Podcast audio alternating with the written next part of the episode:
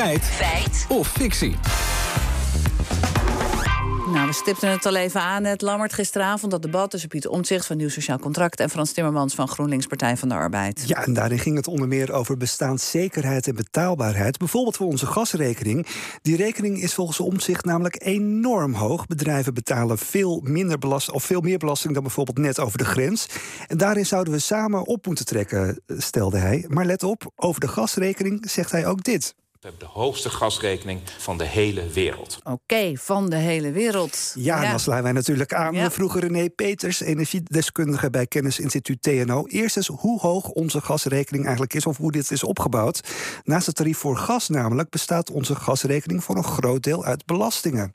Bijvoorbeeld de energiebelasting. Die is in Nederland ongeveer 50 cent per kuub voor een uh, consument. Maar daarboven komt bijvoorbeeld ook de opslag voor duurzame energie. Dat is nog 10 cent. Dan betaal je nog netwerkkosten. Dat hangt van de leverancier af. En bovenop al die kosten en die belastingen betaal je ook nog eens de omzetbelasting. En die is, uh, zoals we weten, 21 procent. En daarmee worden de totale kosten van de gasprijs voor een groot deel belastingen en toeslagen. Nou, dus die componenten die drijven die gasrekening dan flink op. Ja, belasting over belasting. En we vroegen ons eh, af waarom we in Nederland eigenlijk zoveel voor gas betalen. En we belden met Hans van Kleef, energieanalist bij Publieke Zaken.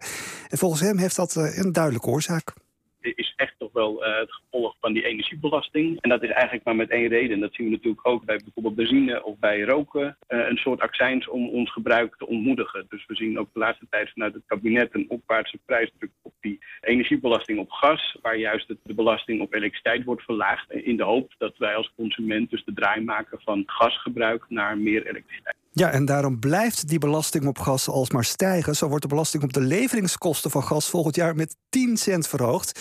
Terwijl die van elektriciteit juist in prijs omlaag gaat. Ja, gelet op die gasprijzen. We hebben het op dit moment natuurlijk wel. Hebben we dat, dat prijsplafond? Ja, dat is natuurlijk bedoeld om consumenten te beschermen tegen een extreem hoge gasprijs, zoals we die eerder hebben gezien. Maar het energieplafond, dat prijsplafond, dat stopt eind van dit jaar. En volgens René Peters betekent dat het volgende. Nu zien we de prijzen al dalen. En er zijn ook aanbieders die al vaste contracten bieden onder het prijsplafond. Dus als we geen hele strenge winter krijgen en de prijzen schieten uh, weer omhoog, dan is de verwachting dat de gasprijs gewoon onder het prijsplafond blijft. En dat afschaffing van het prijsplafond dus eigenlijk ook niet zoveel gaat doen voor de prijs van de consumenten. Nou, dat stemt dan weer hoopvol. Terug naar omzicht. Heeft ja. Nederland inderdaad de hoogste gasrekening van de wereld? Want dat zegt hij. Ja, dan moeten we natuurlijk ook kijken hoe het in de rest van de wereld is. En Hans van Kleef is daarom voor ons in de cijfers gedoken. Nou, van de hele wereld, dat, zou ik niet durven zeggen. Uh, dus er zijn heel veel landen die gas gebruiken, maar die heel ontransparant zijn in de prijzen. Maar als we kijken nu naar Europa, dan zien we wel dat Nederland de op één na hoogste prijs betaalt. Uh, alleen Zweden betaalt iets meer voor uh,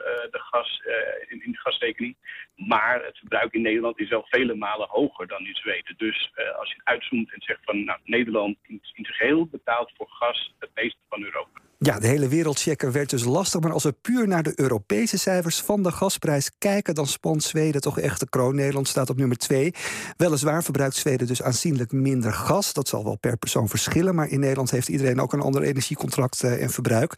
We moeten dus streng zijn uitgaande van de prijs per uh, kubieke meter. Ja, is de uitspraak van omzicht dus echt fictie?